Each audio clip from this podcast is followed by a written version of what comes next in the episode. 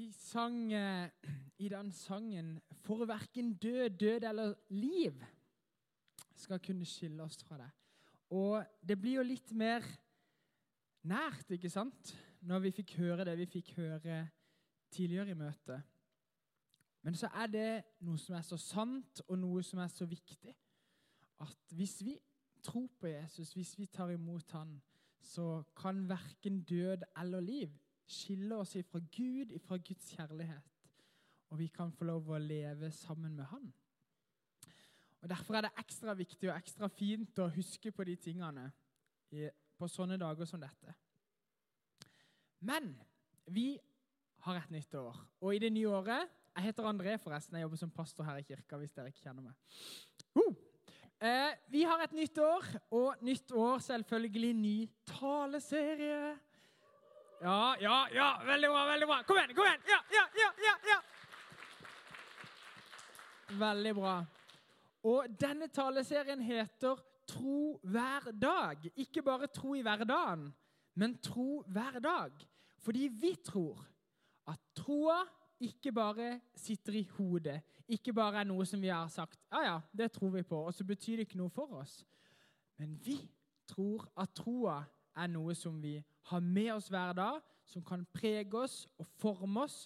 Og vi tror faktisk, helt ærlig, at det er det viktigste i livet hver dag. Så Derfor skal vi ha tre fredager nå på rad hvor vi snakker om dette. Så skal vi snakke litt om hvordan kan det se ut? Hvordan kan vi hjelpe hverandre til å ha troa med oss hver dag? Og ta aktiv del i troa som et liv, ikke bare en tanke som jeg tenker at ja, men det tror jeg på. Og i dag så skal vi begynne å snakke om BNB. Og eh, Hvis du har vært i utlandet, så står det for Bed and Breakfast. ikke sant? Et sted, så veldig sånn enkelt, billig hotell hvor du kan få litt grann sånne eh, vonde skalker på morgenen med sånn veldig søtt syltetøy. Eh, men i dag betyr det ikke BNB, eh, Bed and Breakfast. I dag betyr det Bibel og bønn. Ja, så kreativ du er, Endre. Tusen takk. tusen takk. Ok, Vi tror at Bibel og bønn er kjempeviktig for tro hver dag. Vi tror at det hjelper oss, og vi tror at det er noe som fornyer oss, gir oss kraft og gir oss mer tro. Det første jeg skal snakke om, det er Bibel. Og Kanskje du er her og tenker at hvorfor i alle dager er det noe vits i å lese Bibelen? En 2000-3000 år gammel bok, liksom. Hva er vitsen med det? Jo, vitsen med det, det er det at vi tror at Bibelen er sann, og at Bibelen har kraft, og at Bibelen er på ordentlig. Det er ikke en eventyrbok eller bare en regelbok, men, og heller ikke bare at det står noen fine ting sånn innimellom. Men vi tror at Bibelen er ei levende bok. Kanskje du tenker at eh, ja, ja eh, Er det sånn at vi tror at eh, Bibelen liksom bare har datt ned fra himmelen, liksom? Og så skal vi lese igjen, og så er det liksom Gud som har skrevet det med på en måte sine fingre? Det er det jo ikke. I islam så er det sånn at man tror at eh, Koranen kommer direkte fra Allah. Men for oss, også tror de at eh, eh, Muhammed, som er profeten, liksom forteller om den. Mens vi, vi tror ikke at det er boka som har kommet ned fra himmelen. Vi vet at Gud sjøl har kommet ned fra himmelen. Vi tror ikke at vår hellige bok har kommet ned fra himmelen. Den kristne tro innebærer at Gud selv kom ned fra himmelen, og Bibelen er historien om Han. Tenk det! Gud sendte ikke bare en bok, men han kom selv. Og så er Bibelen boka om Gud. Og Bibelen er en bok som er inspirert av Gud på en helt, helt spesiell måte. Og Derfor så sier, vi at, sier vi at Bibelen er Guds ord. Det betyr ikke at eh, det ble skrevet liksom sånn, eller at det var mennesker som var i transe, som skrev Bibelen. Men vi tror at Gud inspirerte mennesker. Bibelen har over 40 forfattere. Og vi tror at Gud inspirerte disse menneskene til å skrive på en helt, helt spesiell måte. Og så er Bibelen skrevet over et langt tidsrom. Det er ikke sånn at det, det er liksom eh, skrevet over eh, bare noen få år, men over et langt tidsrom. Og så er det masse forskjellige bøker i Bibelen. Bibelen er et helt bibliotek. liksom. Og Derfor er hver bok litt forskjellig.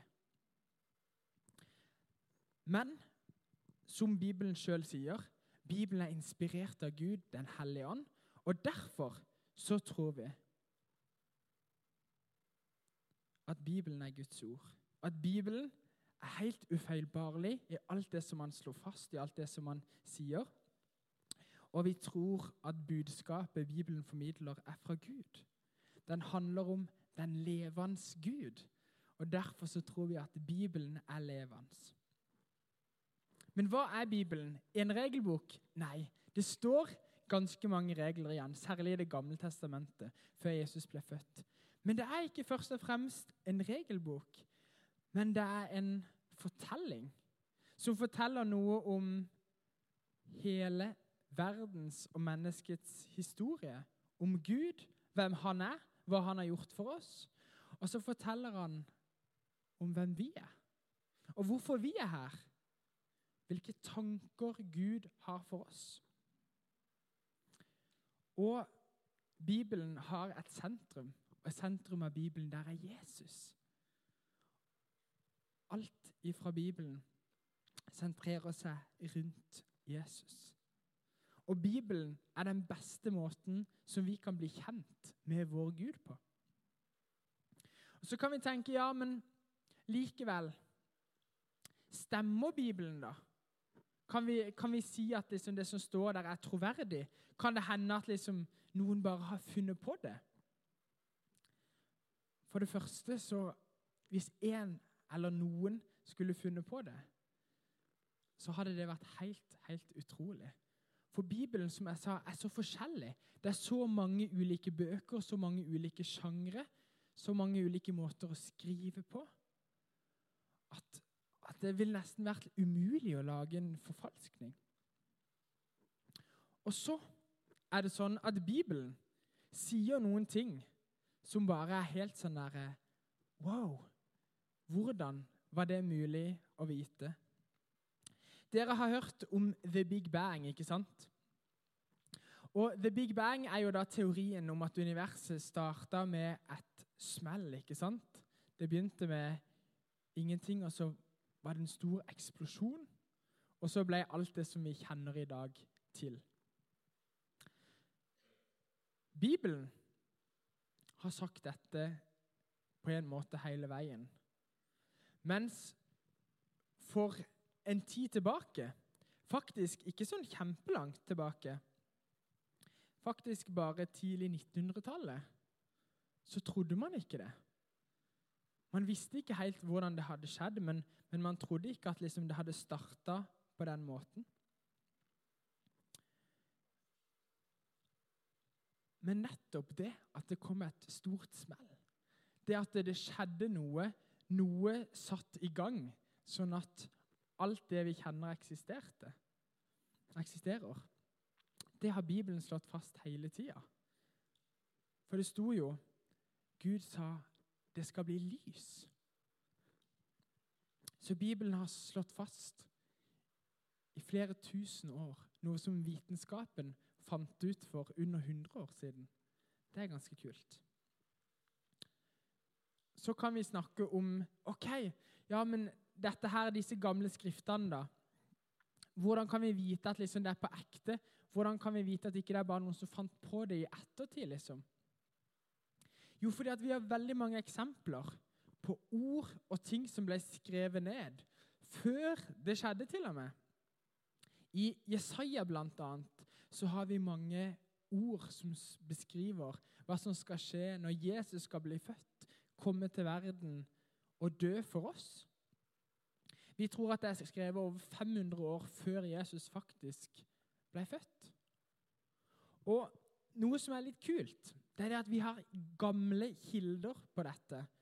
Og på midten av 1900-tallet så fant vi faktisk noe som vi kaller for Dødehavsrullene. Bak meg så ser dere de. Og Det er noen sånne ruller som de har datert at de er helt tilbake fra 125 år før Kristus. Det betyr at vi har det papiret som det ble skrevet ned på, i hvert fall 125 år før Kristus. At han skulle komme. Tenk det! Det er helt utrolig. Det er som om vi skulle skrevet ned nå at om 125 år til 2130 et eller annet. Kanskje. Jeg vet ikke. 40. Ja, Samme det! Eh, så skulle det skje noe. Og så skjer det! Det er jo helt utrolig at det blir bare bekrefta. Det viser at Bibelen er til å stole på. Og så, da, historiene om Jesus, som vi vet er litt nyere, fra 2000 år siden. Er de troverdige, eller var det bare noen som fant på de òg? Hvis jeg hadde sagt til dere nå eh, at eh, Nå skal dere høre her. For 60 år siden så skjedde det noe helt sykt her eh, i Sogndalen. Det, skjønner, det kom nemlig eh, Plutselig så var det en elefant nede i rundkjøringa. Ikke sant?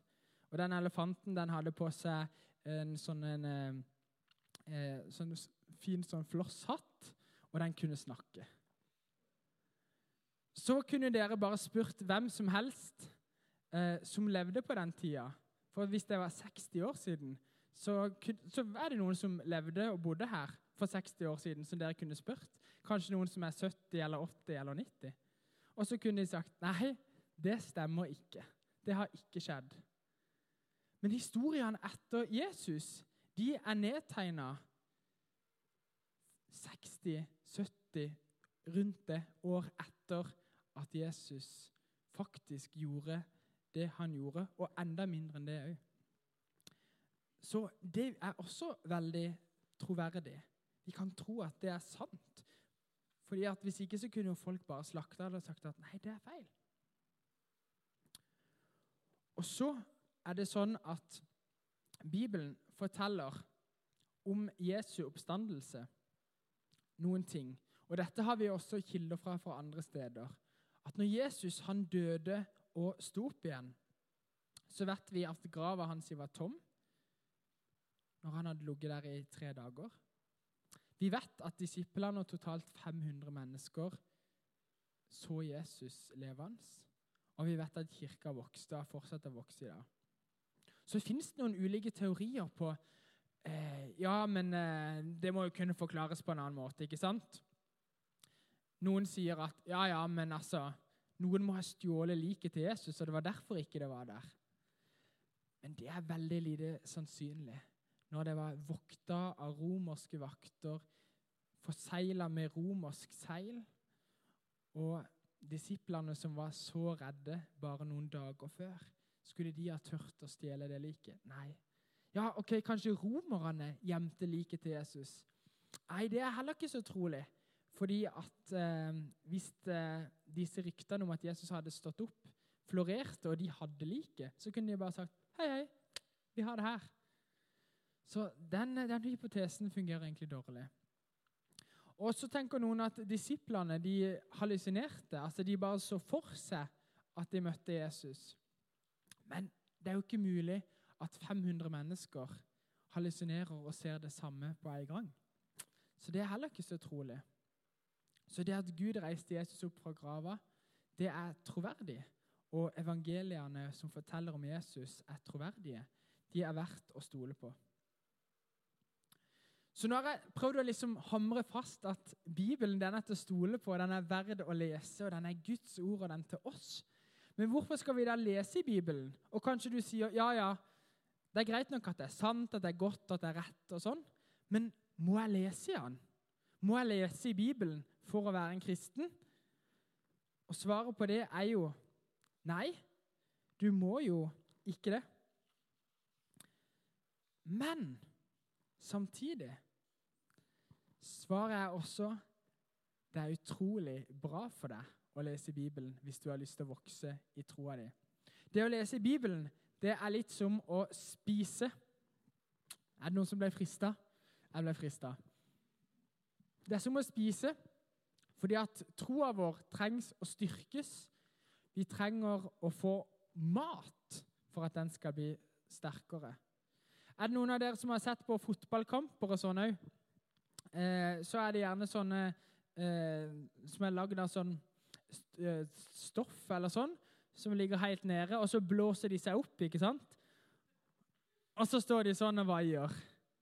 Litt sånn kan jeg òg se på det å lese Bibelen. ikke sant? Man er helt sånn svak, og troa er helt sånn daff og sånn. Og så leser man Bibelen, og så er det bare Ikke vel?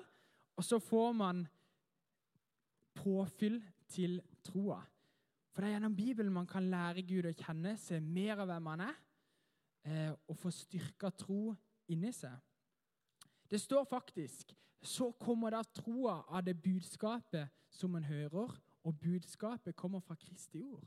Troa vår trenger å høre Bibelens ord, og da blir den styrka, og da kommer den. Så er det en annen ting som står et annet sted. Der står det at for Guds ord er levende og virkekraftig og skarpere enn noe tveget sverd. Det trenger igjennom til det kløver sjel og ånd, marg og bein og dømmer hjertets tanker og planer. Så Bibelen er altså som et sverd, liksom. Det er så sterkt og levende og virkekraftig. Det gjør virkelig noe med oss. Og det kan peke på noen ting i livet vårt noen ganger som vi tenker Oi, shit, Jesus han gjorde sånn. Da ønsker jeg å følge etter det. Eller Jesus sier det. Å ja, da må jeg kanskje endre på det. Eller å ja, Jesus er sånn. Å, da skjønner jeg mer at han elsker meg. Det kan bety noe for troa vår, for hvordan vi ser på Jesus, og for hvordan vi lever livene våre. Så det å lese Bibelen, det er utrolig bra. Eh, og så kan det være litt vanskelig, og hvis ikke du har lest så mye, så er det sånn der Oi, hvor skal jeg begynne? Dere som går på Ansgar, er jo proffe, for dere skal lese Bibelen på ett år og alt mulig sånn. Eh, så jeg lurer på hvordan det går. Eh, det er sånn der eh, hvis, hvis, det ikke går bra for noen, så kan vi be for dere nede etterpå. Men jeg har også begynt dette året, og jeg skal lese Bibelen på ett år. Det har gått skikkelig bra til nå, men vi er jo bare på 13 januar så har jeg gjort det i 13 dager. Eh, men jeg måtte lese dobbelt i går, for jeg glemte det dagen før. da. Så det, jo, det var en ærlig sak. Men poenget mitt var ikke det. Poenget mitt var at vi har noen sånne gode bibelleseplaner som ligger bak der på bordet. Så hvis du tenker oi, spennende å begynne å lese litt i Bibelen, så kan du ta en av de. Den ene er eh, en sånn guide gjennom Bibelen på 30 dager. Og den andre er noen av de mest sentrale bøkene som du kan begynne å lese. Så kan du krysse av. Og så er det jo en sånn der eh, kolonne hvor du kan streke under noen vers som er ekstra bra, som vi har hjulpet dere med. Og Hvis ikke du har fysisk bibel, så går det an å lese Bibelen på app. Tenk det. Det er helt rått. Å, Nå snakker jeg mye om Bibelen. altså Jeg skal ikke si så mye om bønn. Men jeg skal si litt om bønn. Fordi at det var jo BNB, det var ikke bare bi. Så bønn, dere. Bønn er også en ting som er utrolig bra for at vi kan tro hver dag, og for at troa skal få en påvirkning for livet vårt. Bønn det er å snakke med Gud. Så enkelt. Det er min definisjon på bønn. Snakke med Gud. Hvis noen spør deg hva bønn er, så vet du hva du skal si. Det er å snakke med Gud. Bønn, det er kommunikasjon. Og dere vet at kommunikasjon er viktig. Kanskje du spør meg inn i hodet ditt nå må jeg be for å være en kristen. Svaret på det er nei. Men hadde du spurt meg spørsmålet må jeg snakke med vennen min for at vi skal være venner, så hadde jeg på en måte sagt nei, du må jo ikke det. Men det blir jo et veldig rart vennskap hvis du aldri skal snakke med vennen din. Ja, men vi er så gode venner at vi bare kan være stille sammen. Jo, det, det, og det er fint. Det er veldig fint å være stille sammen med venner hvis man er trygge på det. Hvis man aldri snakker sammen, da kommer man jo aldri noe videre. Får aldri delt liksom hvordan man har det og sånt noe. Men bønn er en utrolig fin mulighet til å faktisk utvikle et vennskap med Gud og koble seg på hjerte til hjerte og være dønn ærlig med livet sånn som det er, og hva han tenker, og ting som en har i sitt hjerte. Så bønn det er kommunikasjon med Gud. Og du tenker kanskje Oi, bønn det må være litt kjedelig. Eller bønn åh, det er så vanskelig å få til, liksom. Men jeg er ganske sikker på at alle dere er gode til å snakke. Og istedenfor å snakke til mennesker, så kan dere bare snakke til Gud. Og så ber dere. Så lett er det faktisk. I Matteus så står det når dere ber, skal dere ikke ramse opp ord slik hedningene gjør. De tror de blir bønnhørt ved å bruke mange ord. Vær ikke lik de, for dere har en far som vet hva dere trenger, før dere ber han om det. Så poenget er ikke hvor mange ord eller hvor fancy det er, men poenget er at Gud kjenner det, men han vil likevel høre det, snakke med han og fortelle hvordan du har det, fortelle ting som ligger i hjertet ditt, og ting som er viktig for deg. Så er det en litt annen type kommunikasjon. For det er ikke så ofte at vi får lydsvar at vi hører at Gud snakker til oss. Det skjer med noen mennesker av og til. Det har ikke skjedd med meg på den måten. Men noen ganger så kan Gud gi oss sin fred, noen ganger kan han gi oss noen tanker. Eh, noen ganger så kan han lede oss på forskjellige måter. Berøre oss i følelser, forskjellige ting. Andre ganger så er det bare godt å gi ting til Gud, og så merker man ikke så mye med det. Til slutt noen måter å be på. For det er godt å ha litt sånn praksis. Hvordan kan jeg gjøre det? Jo, nummer én superlett. Snakk med Jesus som du snakker med en venn. Sett deg i senga på kvelden, eller ligg for den saks skyld.